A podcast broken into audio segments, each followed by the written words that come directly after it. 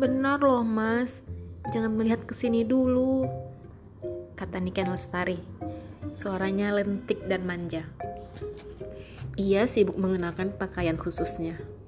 Long dress, BH ukuran 34, sanggul, eyeshadow, dan beberapa cat muka. Niken membelinya khusus. Kami berkencan untuk ulang tahunnya ini. Kami selenggarakan acara khusus. Aku akan merekam suaraku dalam pengajian Al-Quran di kamarnya, sementara ia menemani dengan pakaian khusus itu. Aku duduk menghadap tape recorder yang sudah ia siapkan sejak sebelum aku datang. Sebenarnya aku agak merasa tegang. Di samping karena demam mic rekaman, juga karena sudah lama aku tidak mengaji Al-Quran.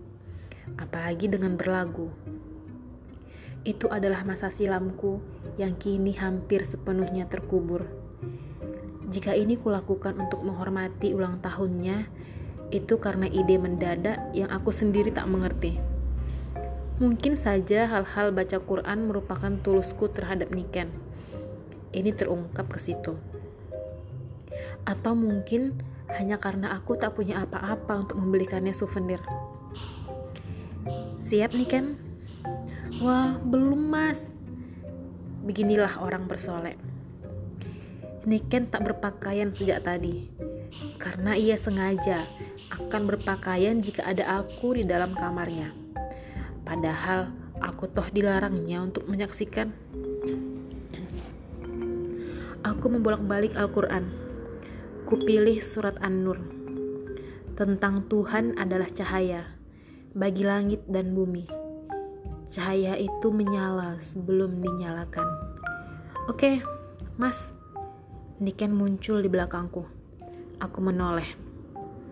Fantastis, aku menyebut.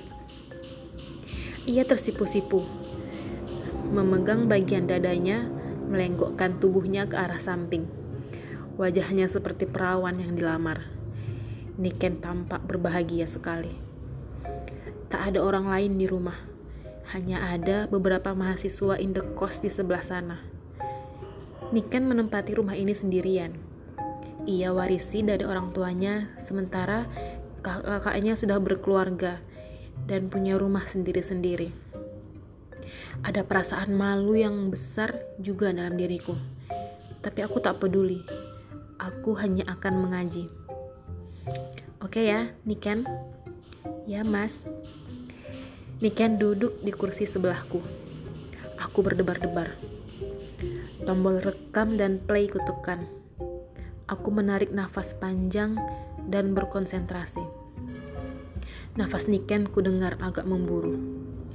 A'udzubillahiminasyaitonirrojim. Dengan agak tegang, kulewati ayat demi ayat. Hatiku selalu berdebar dan terasa aneh. Selesai beberapa ayat, kulirik Niken bersijingkat. Berdiri dari kursi. Perlahan-lahan sekali dan tak menimbulkan suara Kemudian, tak kusangka, ia bersimbah di lantai. Kuteruskan mengaji.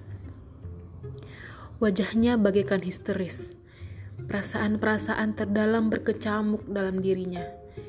Tiba-tiba saja di tengah ayat, Niken menaruh perlahan-lahan keningnya di lututku. Darahku tersirap.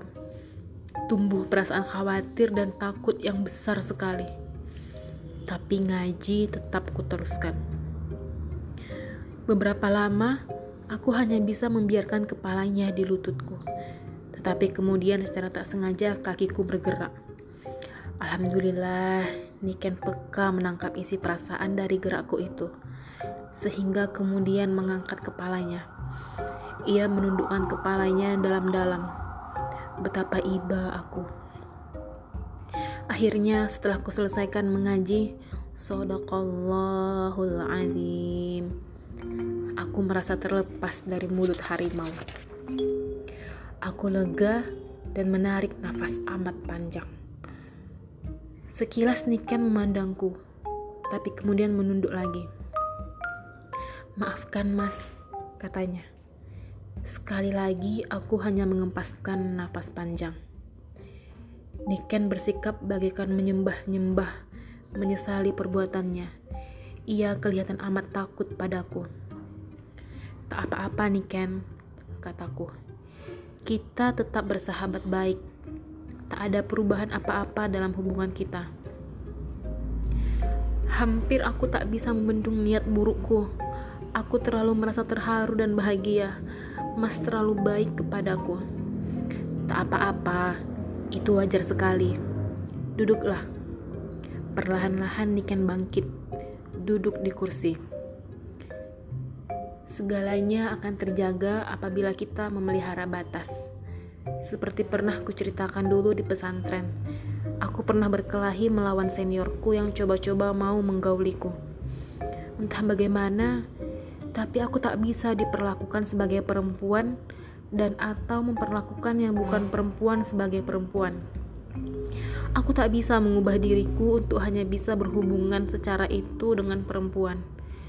Namun, itu bukan halangan bagi hubungan kita. Kita tetap bersahabat akrab dengan memahami diri masing-masing. Mas mau memaafkan aku. Kenapa tidak? Tuhan pun Maha Pemaaf.